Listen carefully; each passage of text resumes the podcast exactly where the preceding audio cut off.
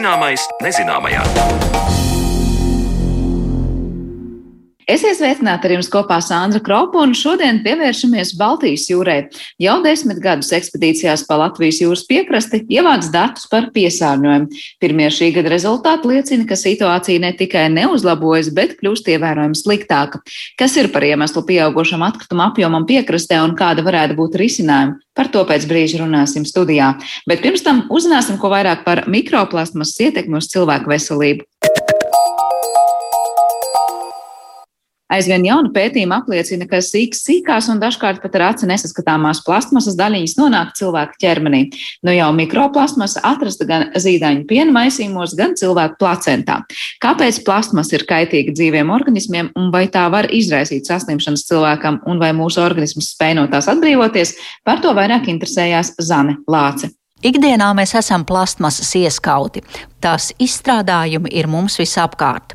Lai mazinātu plasmasas skaitīgo ietekmi uz vidi un dzīvajiem organismiem, no šī gada 3. jūlija Eiropas Savienībā ir aizliegts tirgot vienreiz lietojamos plasmasas traukus. Tas ir tikai viens solis, lai samazinātu milzīgo šī izstrādājuma atkrituma apjomu un arī, lai novērstu plastmasas mikrodaļiņu nonākšanu dzīvajos organismos. Runa ir par mikroskopiskām daļiņām, kuru izmērs ir tūkstoši reižu mazāks par cilvēka matu, kuras mēra nanometros, un saskatīt šādu mikroplastmasu var tikai elektronu mikroskopā. Un šīs mikrovienības mēs ikdienu dažādos veidos uzņemam savā organismā, un gada laikā cilvēka ķermenī šo daļiņu skaits ir aptuveni 50 tūkstoši. Kā šis process notiek, to skaidro Rīgas Stradiņu universitātes asociētais profesors, darba drošības un vides veselības institūta direktors Ivars Vanadziņš. Tie ceļi īstenībā ir trīs pamata.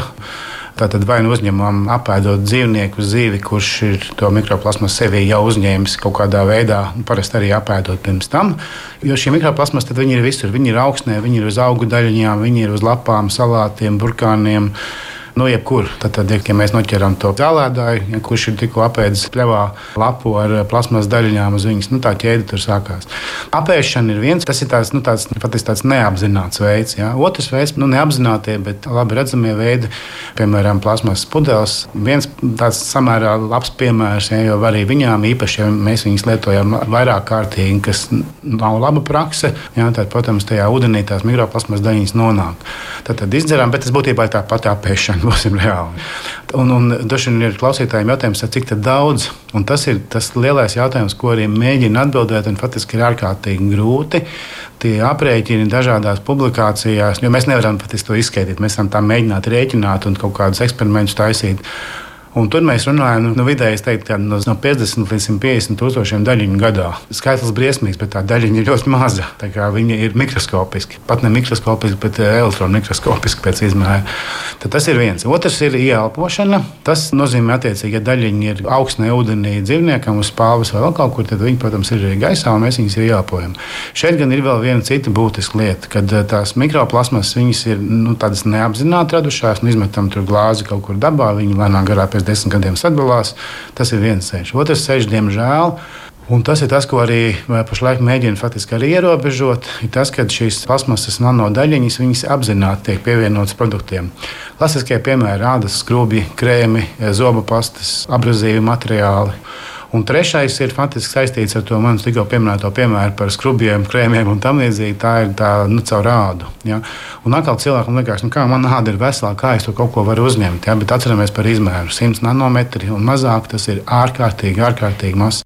Te, protams, var runāt par ražotāju atbildību, bet ir jāatceras, ka ražotājam ir svarīga konkurence un iespēja tirgū piedāvāt pārdošanai preces ar labākām īpašībām, kuras bieži iegūst tam vai citam produktam, pievienojot plastmasu.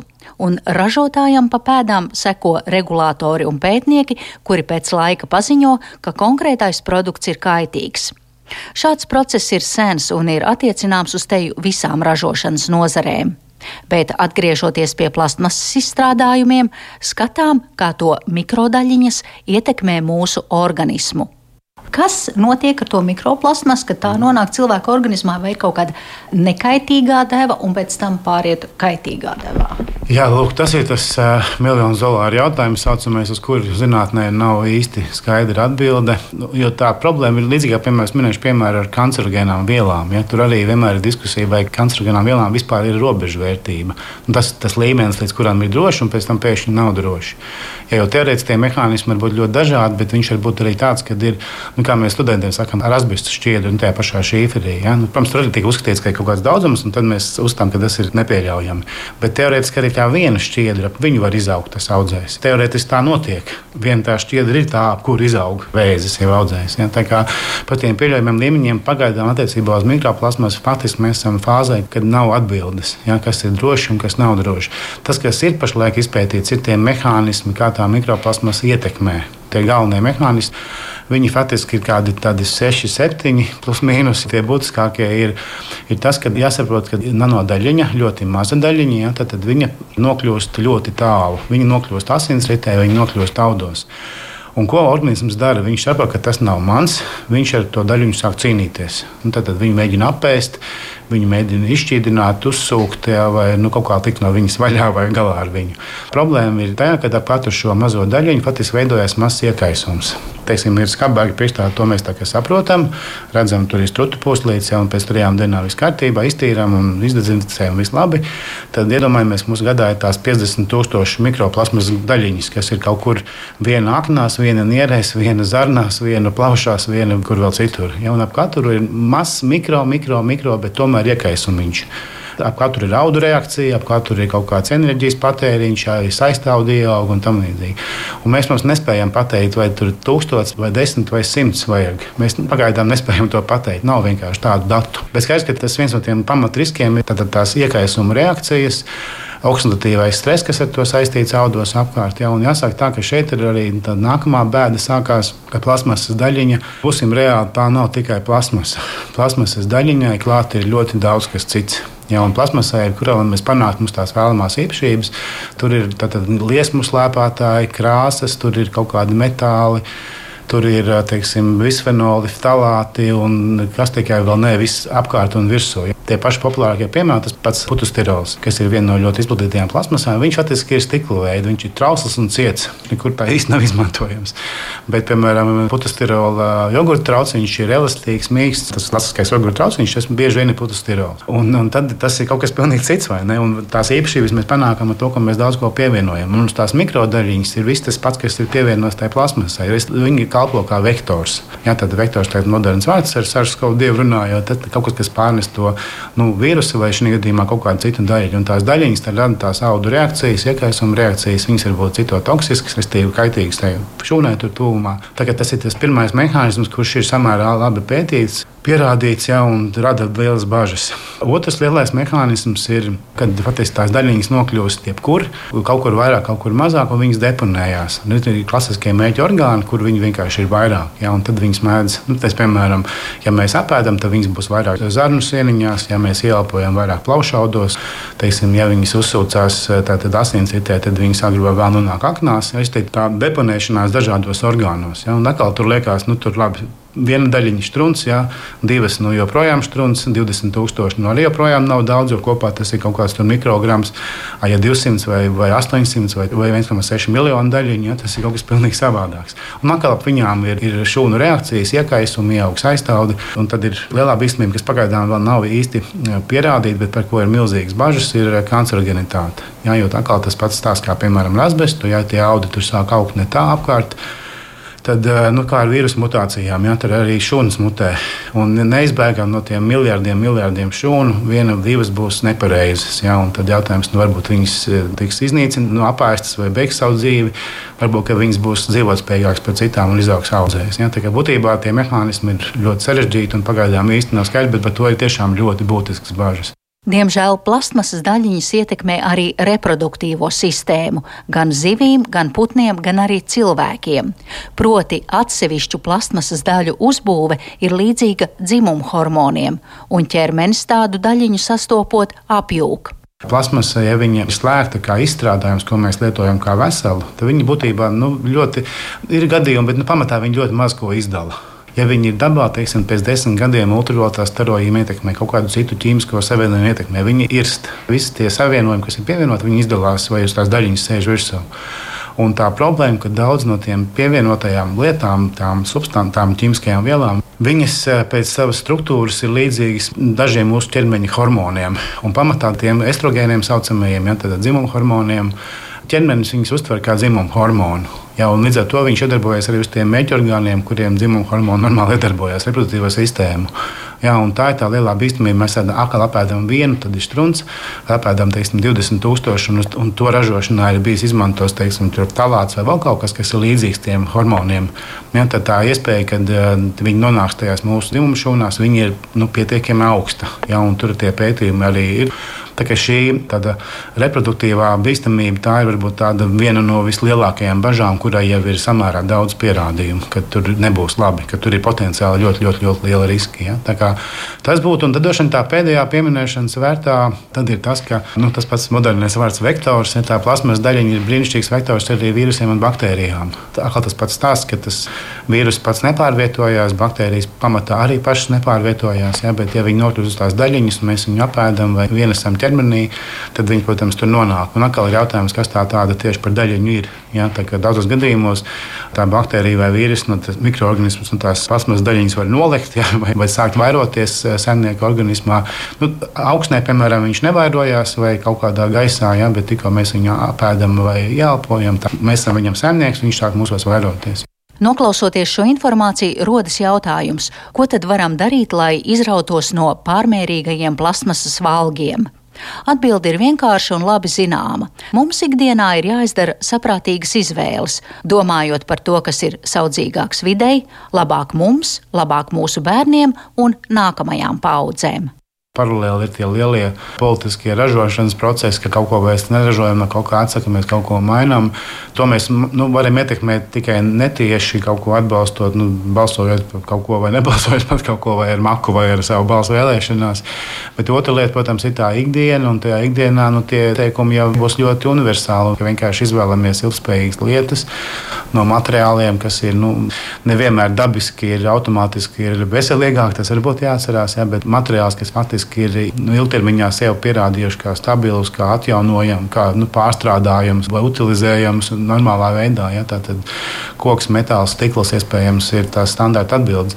Un, protams, tas, ko katrs tiešām var reāli darīt, ir, ja iespējams, izvēlēties, tad, tad pirkt plasmasu, kas ir pārstrādājama un faktiski dzelžaini tiešām šķirot un nemest neko vienkārši nu, no mašīnas pa logu ārā, tā, ja? nu, tādā līmenī vai vienkārši kaut kādā kopējā miskastē. Jo tas viss, pat ja viņš nonāks detliņos, viņš tur tiks saprasēts, tāpat tās kājas viņu iznēsās kaut kādu daļu.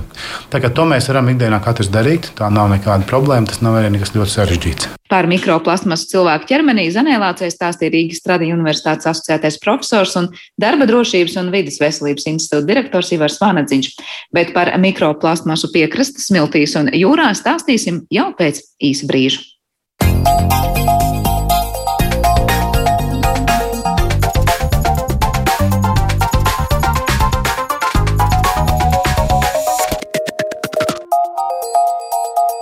Zināmais nezināmajā.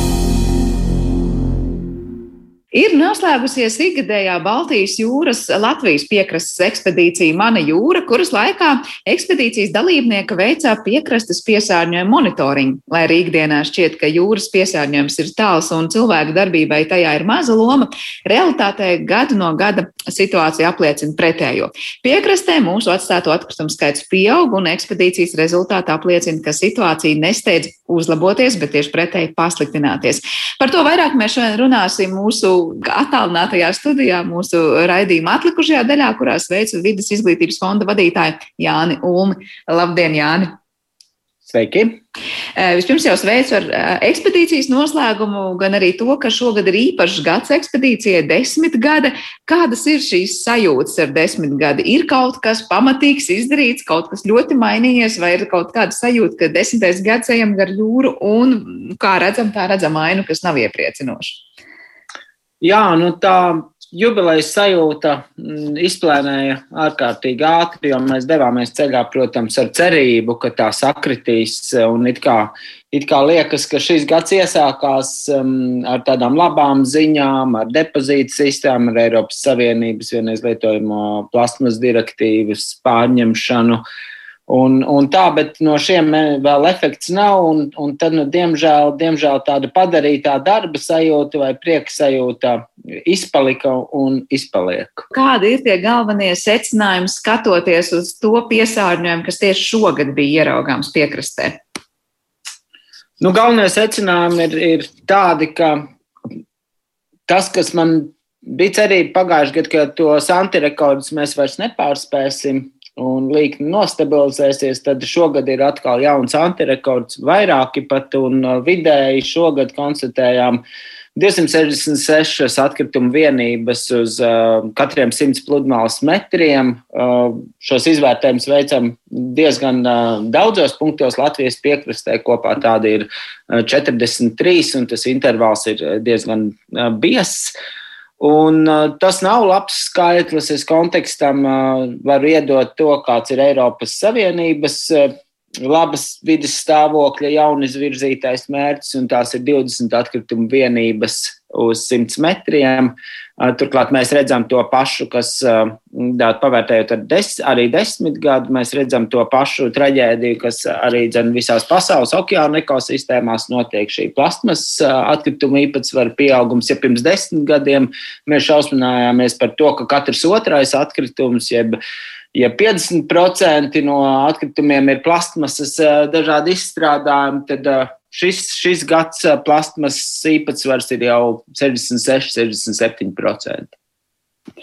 Kāpēc tā? Kas ir tas galvenais vēstījums? Tas, ka cilvēki kļūst, es nezinu, mazāk uzmanīgi un, var teikt, nu, tā plasmas problemātika joprojām nav pietiekoši apzināta, vai te ir stāsts par to, ka ir kaut kādas daudz lielākas problēmas, kas netiek risinātas, un pat, ja pie tām liekas, ka ķertos klāt šodien, nu, tās, tās, tās, tās, tā, kas saka, labās lietas nebūtu pamanāmas vēl ilgus gadus.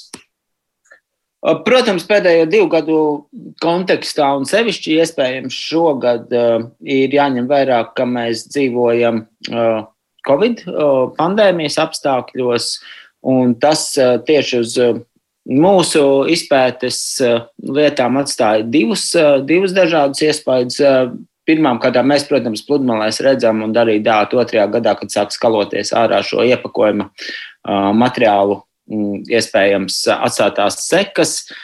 Un, un otrs ir arī tas, ka vismaz pagājušajā gadā, šogad man tā neizskatījās, un nebija tāda sevišķi nekrita acīs, ir tas, ka ir pieaudzis šis piekrastes, piekrastes noslodze cilvēku, un diemžēl tā sabiedrība pie mums joprojām ir, ir acīm redzot tāda, kas ir kas sevi sev nes līdz tos atkritumus un aizmirst, aizmirst arī dzen, paņemt. Bet tie piekrastes atkritumi jau nav tā, tikai tie, ko atstāja.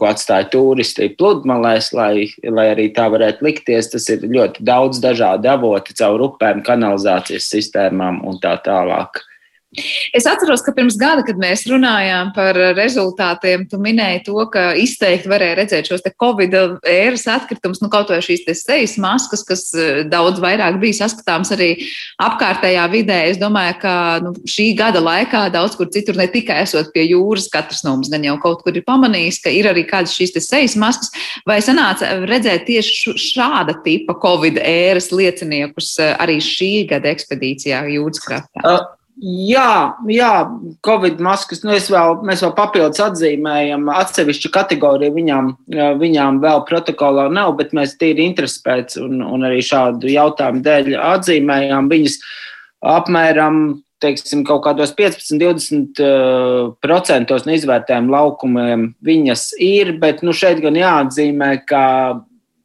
varbūt arī Latvijas tās pludmales tipoloģijas ir tādas, ka viņas tur, tur ilgi nestāv, viņas, viņas varbūt iepūš kāpās, bet šī problēma mums par laimi nav tik izplatīta un tik masveidīga kā daudz viet citur pasaulē, bet Covid atkritumi jau nav tikai šīs, šīs maskas, tas ir tāds simbols. Covid atkritumi ir, ir šie plasmas maisiņi, plānais iepakojums, un tos gan mēs redzējām uzkrītoši, uzkrītoši daudz. Bet tu jau arī minēji, ka viena lieta ir tie cilvēki, kas atstāja atkritumus pludmalē, un cita lieta ir tā, tie, kas nonāk pa upēm un, un, un daudz kur citur, var pat jūra, ko izskalo. Kāds ir to atkritumu? Es nezinu, kā var izvērtēt to īpatsvaru, nu, kas ir tas atnestais, kas ir atstātais un no kurienes atnestais, un vai tajā kaut kas šajos desmit gados mainās? Tādas eh, ļoti precīzas metodoloģijas, lai izvērtētu, kas no kurienes nāk, piemēram, vai atstāts vai caur upi vai, caur, eh, vai no kuģiem. Izmest, tādas nav, bet apmēram tas eh, konsensus no visus pētījumus kopā liekot ir tāds, ka tikai viena piektā daļa pie vienas piektās daļas atkritumu eh, globālā līmenī ir vainojami šie jūras avoti, šie jūras transports un, un teiksim, kruīza kuģi vai, vai, vai zvejniecība. Uh, Bet viss pārējais, pat ja tas atskalojas no jūras, pēc tam uz pludmali, tomēr ir no sauszemes avotiem nācis, sākot ar turismu, rekreāciju piekrastē un beidzot ar uh, upēm, uh, kanalizācijas sistēmām, nepareizu atkritumu apsaimniekošanu pilsētu teritorijās, lietus ūdens notekām, lauksaimniecību, būvniecību un tā tālāk un tā joprojām. Tās izmaiņas šeit uh, ir grūti, e, grūti vērtēt. Tādēļ arī dzen, ir interesanti tie, tie monitoringa laukumi, kur mēs skatāmies uz ostu ietekmēm un tā, bet e, šeit nav tāda ļoti liela pavērsiena ne uz labo, ne uz slikto pusi. Nav bijis tas, ko varētu minēt no jūras avotiem. Uh, Eh, ir palielinājies šo izolācijas eh, putuplasta eh, daudzums, kas sākotnējos gadus varbūt nebija vispārībā tāds izteikts, bet pēdējos gadus, piemēram, šogad viņš jau laužas iekšā top 10 izplatītākajos atkritumu veidos. Nu, tā, tas, tā, tā ir vēl viena plasmas, ja polimēru frakcija, kas, kas strauji pieaug. Bet no kurienes ir tas, tu teici, no jūras, kur ir tas cēlonis, kāpēc, kur to lieto, kāds ir šo te? Mm, nu, acīm redzot, transporta pārvadājumos, remontos uz kuģiem. Tas ir tāds materiāls, kas ir strauji guvis popularitāti un viņu gan uz sauszemes, gan, gan, gan acīm redzot uz, uz um, jūras transporta pušu, kur, kur vajag, kur nevajag, kur pagadās, un viņš ļoti viegli var um, nu, noklīst neceļos, tad, um, tad Tāds ir tas izskaidrojums. Un šī ir arī tāda problēma, kur, kurai pēdējos trīs gados ir uh, ļoti nopietni pamanīta um, Eiropas Savienības uh, kontekstā, un Eiropas vidas aģentūra izstrādāja jaunas likumdošanas aktus un uh, veic izpētes, lai, lai kaut ko darītu tieši ar šo. Tu pieminēji arī atkrituma apsaimniekošanas problēmas piekrastē, un ne tikai piekrastē, bet dziļāk sauszemē. Kā ir ar vietējo pašvaldību nezinu, sadarbību vai vispār interesi sadarboties, nu, zinot, kādi ir šie mana jūra ekspedīcija rezultāti konkrētā katrā pašvaldībā? Cik daudz pašvaldības var panākt pretī un ko tās var un jau dara, varbūt, lai situāciju uzlabotu? Es domāju, ka tieši tādēļ ir žēl katru gadu reportēt eh, šos, um, šos eh, nu, arvien jaunus antirekordus. Ja mēs atkal desmitgadus um, rezumējumā, skatos tādā desmitgadu perspektīvā, ko redzējām pirmajā gadā, ko redzam tagad. Un, eh, nu, fakts ir tāds, ka ļoti daudzās vietās piekrastē ir uzlabojusies tā izpratne, un arī dzen, mūsu dati tiek izmantot, lai lai saprastu, kas ir, kas ir par problēmu, un ir uz, uz, uzlabojies labiekārtojums un ir uzlabojusies, teiksim, apsaimniekošana. Vienīgais, ka nu, šogad ar pašvaldībām tā šajā ekspedīcijas stadijā pastiprināti sastrādāties nesenāca, jo pēc vēlēšanām bija mazs laiks pagājis, un tas iespējas ir tāds, ka mm, tur vēl vajadzīgs laiks norientēties pie jaunajiem lielajiem novadiem, jo piekrastē diezgan daudz kas ir mainījies un apvienojies. Um, tas bēdīgais secinājums ir tāds, ka man arvien vairāk pārņem tādu sajūtu, ka pēc tāda kā labiekārtošanas un apsaimniekošanas un um, rūpju un satīrīšanas uzrāviena, teiksim, laika posmā no 16. līdz 18. gada pašreiz ir iestājusies um, tāda kā neliela stagnācija, respektīvi ja ir bijis kāds jauns labiekārtojums piekrastē vai pludmalē, tad kaut kā tā sajūta pārņem, ka daudzos gadījumos viņš ir tāds aizmirsts. Savukārt, ja ir bijusi kāda apsaimniekošanas uzlabojumi, tad um, kaut kas viņos nestrādā, jo mēs redzam arī pēc datiem, kas, um, kas notiek tādās pat pludmalēs un pilsētās vai novados, kur mēs esam pieraduši pie, pie lab, daudz labākiem rezultātiem. Eh, bet varbūt var minēt kādus no šiem piemēriem, nu, kas ir tas bijis labais piemērs, uzlabojums vai aktivitāte, kas tā kā var teikt sevi, es pareizi saprotu, bija pieteikusi un pēc tam tagad nu, vairs īsti nestrādā. Uh, viens, uh, nu, tur ir vairāki. Viens, kā ar um, pirms vairākiem gadiem, kad uh, beidzās šis, vai nebeidzās, vai tika iepauzēts, vai panāks kompromiss pašvaldību un valsts institūciju cīņā un debatē par to, kā, kas, kam pieder piekraste un kam par to jārūpējas. Tad, pateicoties arī valsts finansējumam, ļoti daudzās vietās tika uzsākti papildu Mm, vai nu sezonāli, vai, vai vismaz ar noteiktiem intervāliem šie atkritumu savākšanas darbi.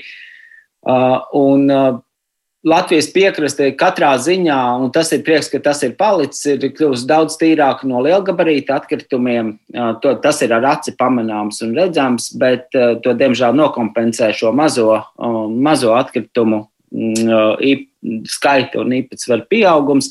Tāpat arī daudzās vietās bija uzlabojumi un ir uzlabojumi labiekārtojumā, piemēram, tajā, kā tiek pie pludmales zonām izvietoti atkritumu konteineri, vai kur viņi ir novietoti, vai kādā tipa šie konteineri ir novietoti, lai viņi nevis ne, neradītu pretēju efektu, respektīvi nevis samazinātu atkritumu daudzumu piekrastē, bet sakoncentrēt viņus vienā lielā vietā. Uh, Bet, nu, acīm redzot, ka ar šādiem pasākumiem mm, nav, nav vai nu nav gana, vai vairs nav iespējams panākt situācijas uzlabojumu. Tādēļ prieks, ka Eiropas Savienība un arī dzen, mēs Latvijā runājam jau par noteiktu produktu un materiālu ierobežojumu, respektīvi sākot ar vienreiz lietojamiem plasmas izstrādājumiem.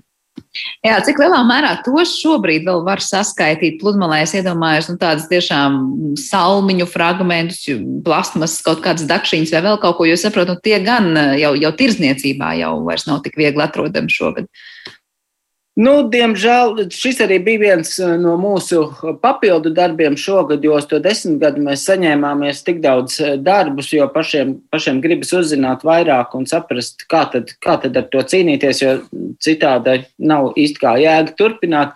Un tas bija tas, ko mēs eh, vērtējām, skatījāmies, kā pludmales piekrastes komercobjektos soks ar šo vienreiz lietojamās plastmasas ierobežojumu direktīvas ieviešanu. Un, Un uh, tas rezumējums uh, nav ārkārtīgi priecīgs. Mēs meklējām labos, labās prakses piemērus gan pludmales kafejnīcās, gan piekrastes kafejnīcās, gan kempingos, gan uh, tirgošanās stendos un meklējām tādus jūras draugus starp uzņēmējiem. Rezultāti vēl apkopojas un tiks izziņoti, bet daudz viņu mums nav, jo tāpat jau uz jūlija beigām, augusta sākumu tie ir Uzkrājumi bija iepirkti faktiski visur ļoti lieli, ka vēl joprojām varēja tirgot, uh, tirgot plasmas salmiņus un dot pa labi un pa kreisi.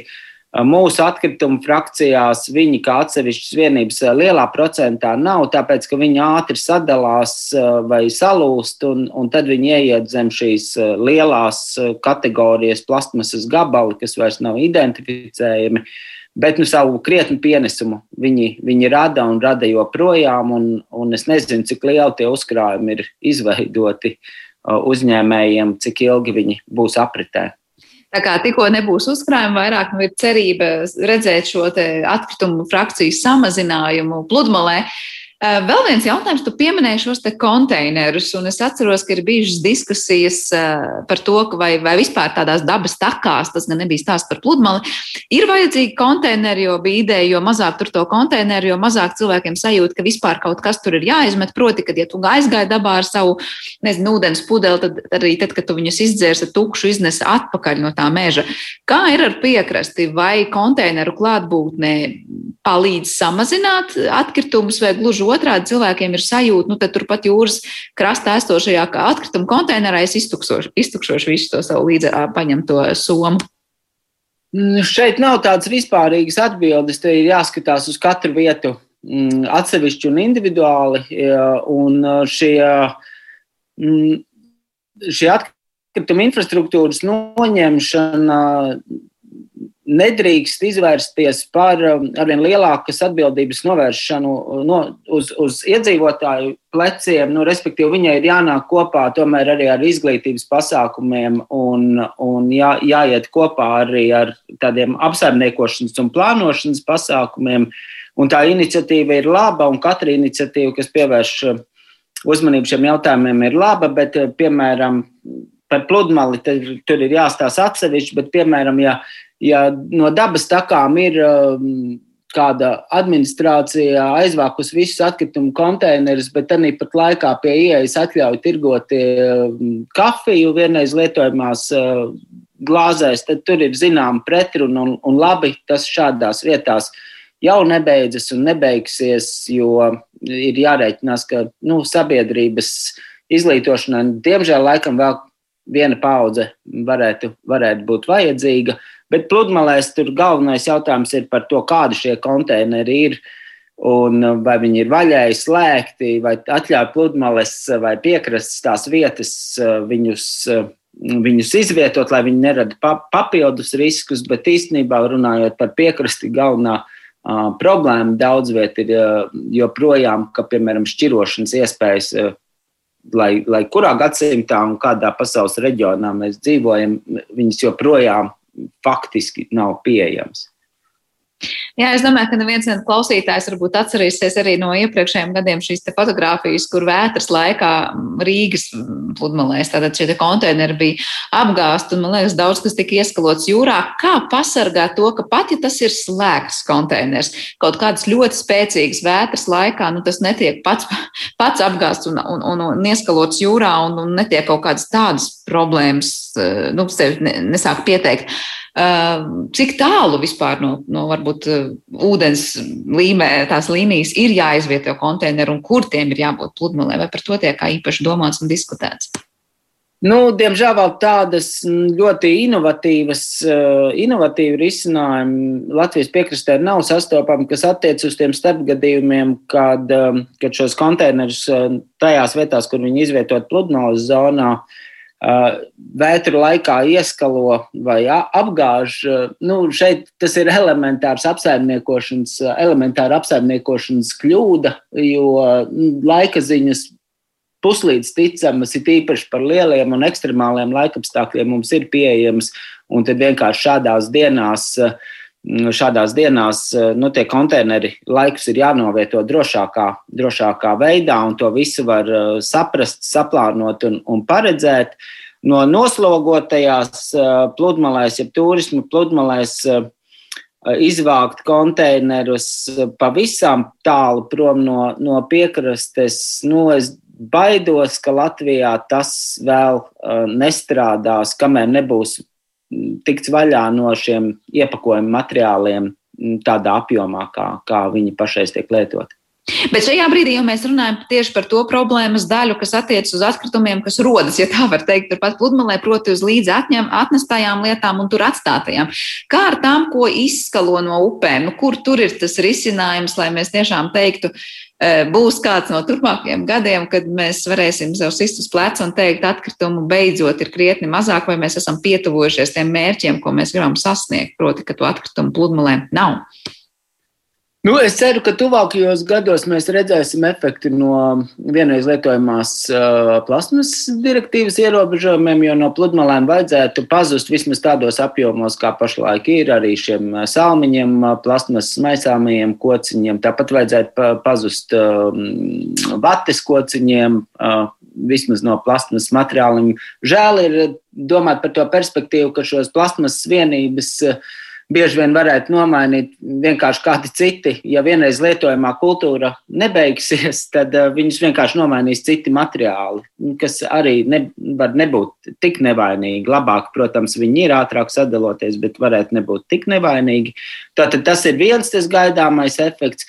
Otrs efekts, kas um, gan ir nacionālā līmenī, ja mēs paskatāmies uz tiem uh, Latvijas topiem un tiem izplatītākajiem atkritumu veidiem, tad uh, Uh, ir, iespējams, um, ir iespējams daudz ko uzlabojums panākt ar dabas resursu nodokli, un, un lai gan viņš aug šiem viegliem iepakojumiem, no acīm redzot, nepietiekami, ja joprojām tādā apjomā tas ir. Bet šeit atkal jāstāsta Covid uh, pandēmijas kontekstā.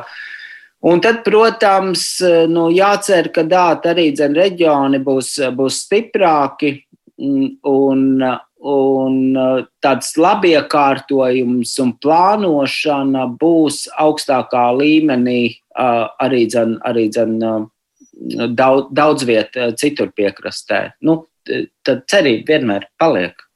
Jā, cerība paliek, jo tiešām nu, kaut kādas iniciatīvas sev piesaka, lai tikai tās iedzīvojas dzīvē un iespējami ātri un efektīvi. E, bet e, vēl par tiem mērķiem runājot, es skatījos mani jūra prezentācijā ļoti uzskatāma sarkana līnija, kas ir Latvijas mērķi, uz kuru mēs ejam. Daudz tad viena līkne, vēl atsevišķa līnija, vēl zemāks atkrituma daudzums ir Eiropas mērķi, uz kuriem mēs ejam.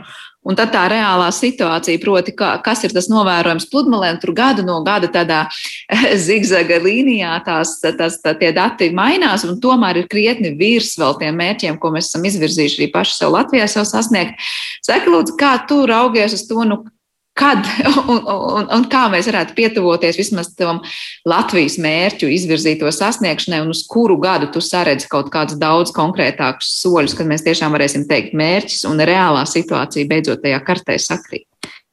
Nu, Latvijas mērķis eh, pat nebija tāds oficiāls, tas bija eh, tā kā mm, nosprausts tā, pirms, pirms Eiropas Savienība izdevās vienoties par, eh, par savējo kopīgo uh, Uh, nu, jāskatās, šis Eiropas Savienības izvirzītais ambiciozais mērķis, es domāju, ir pārsteigums uh, visām Eiropas Savienības valstīm, kur ir jūra, un uh, arī daudzām valstīm, ieskaitot Latviju. Tas nozīmē, ka šis atkritumu samazinājums piekrastē ir jāpanāk par 95-97%, kas ir nu, precīzi Latvijas situācija.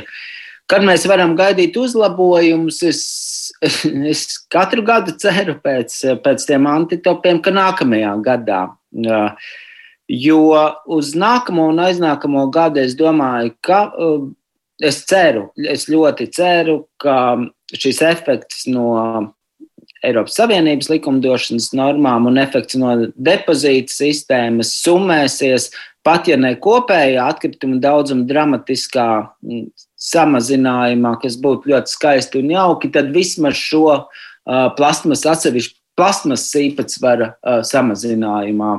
Un, un, un, jā, ja mums pietiks kaut kādas motivācijas šo, šo avantūru turpināt, tad, tad nu, es ceru, ka trīs gadu perspektīvā nu, sliktāk nu, vairs nevajadzētu būt. Nu, tas būtu kaut kas neiedomājams, jo, jo nu, ir, ir slikti, ir patiešām, ir patiešām slikti. Šī augšupejošā līkne nav laba.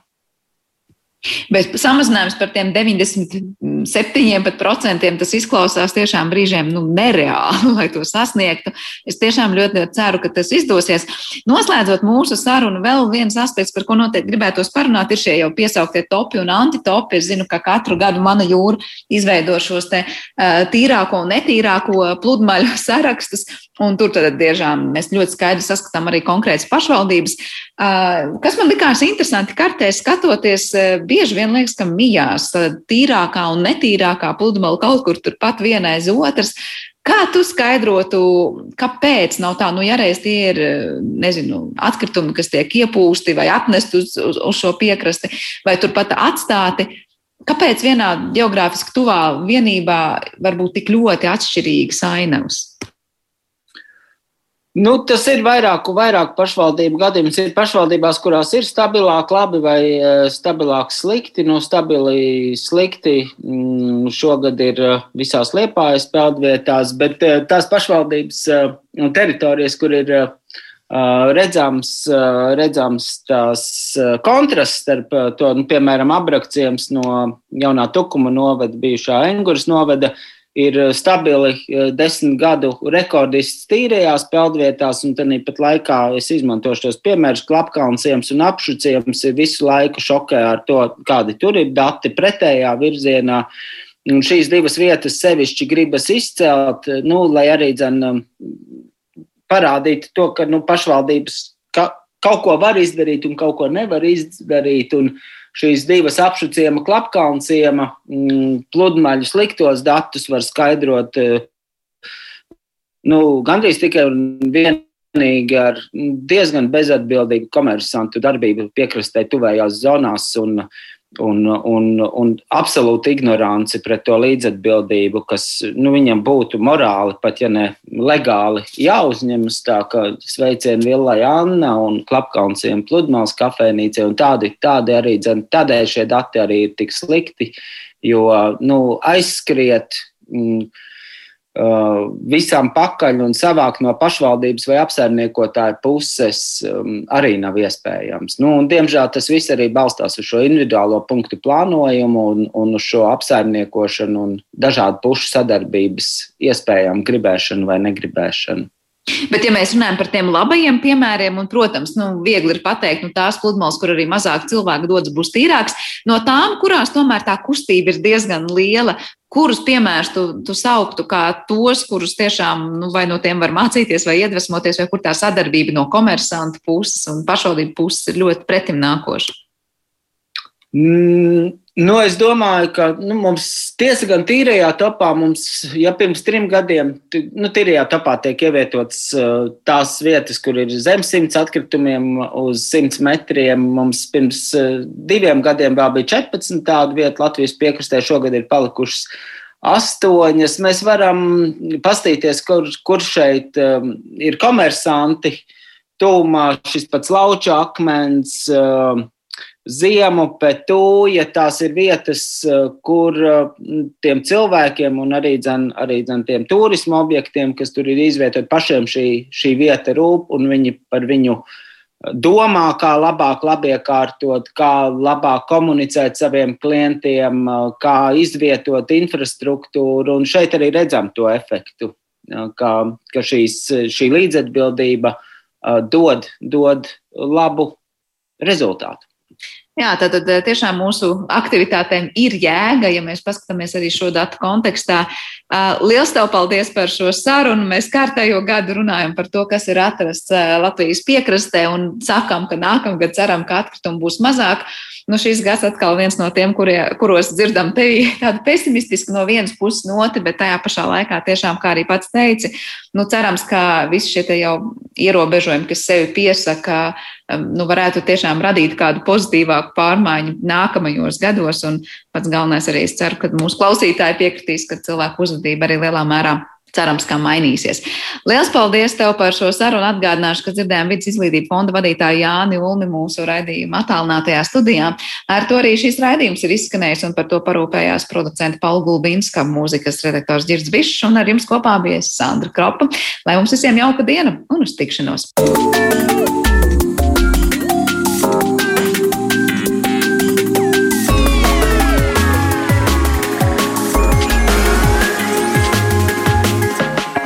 Zināmais nezināmajā.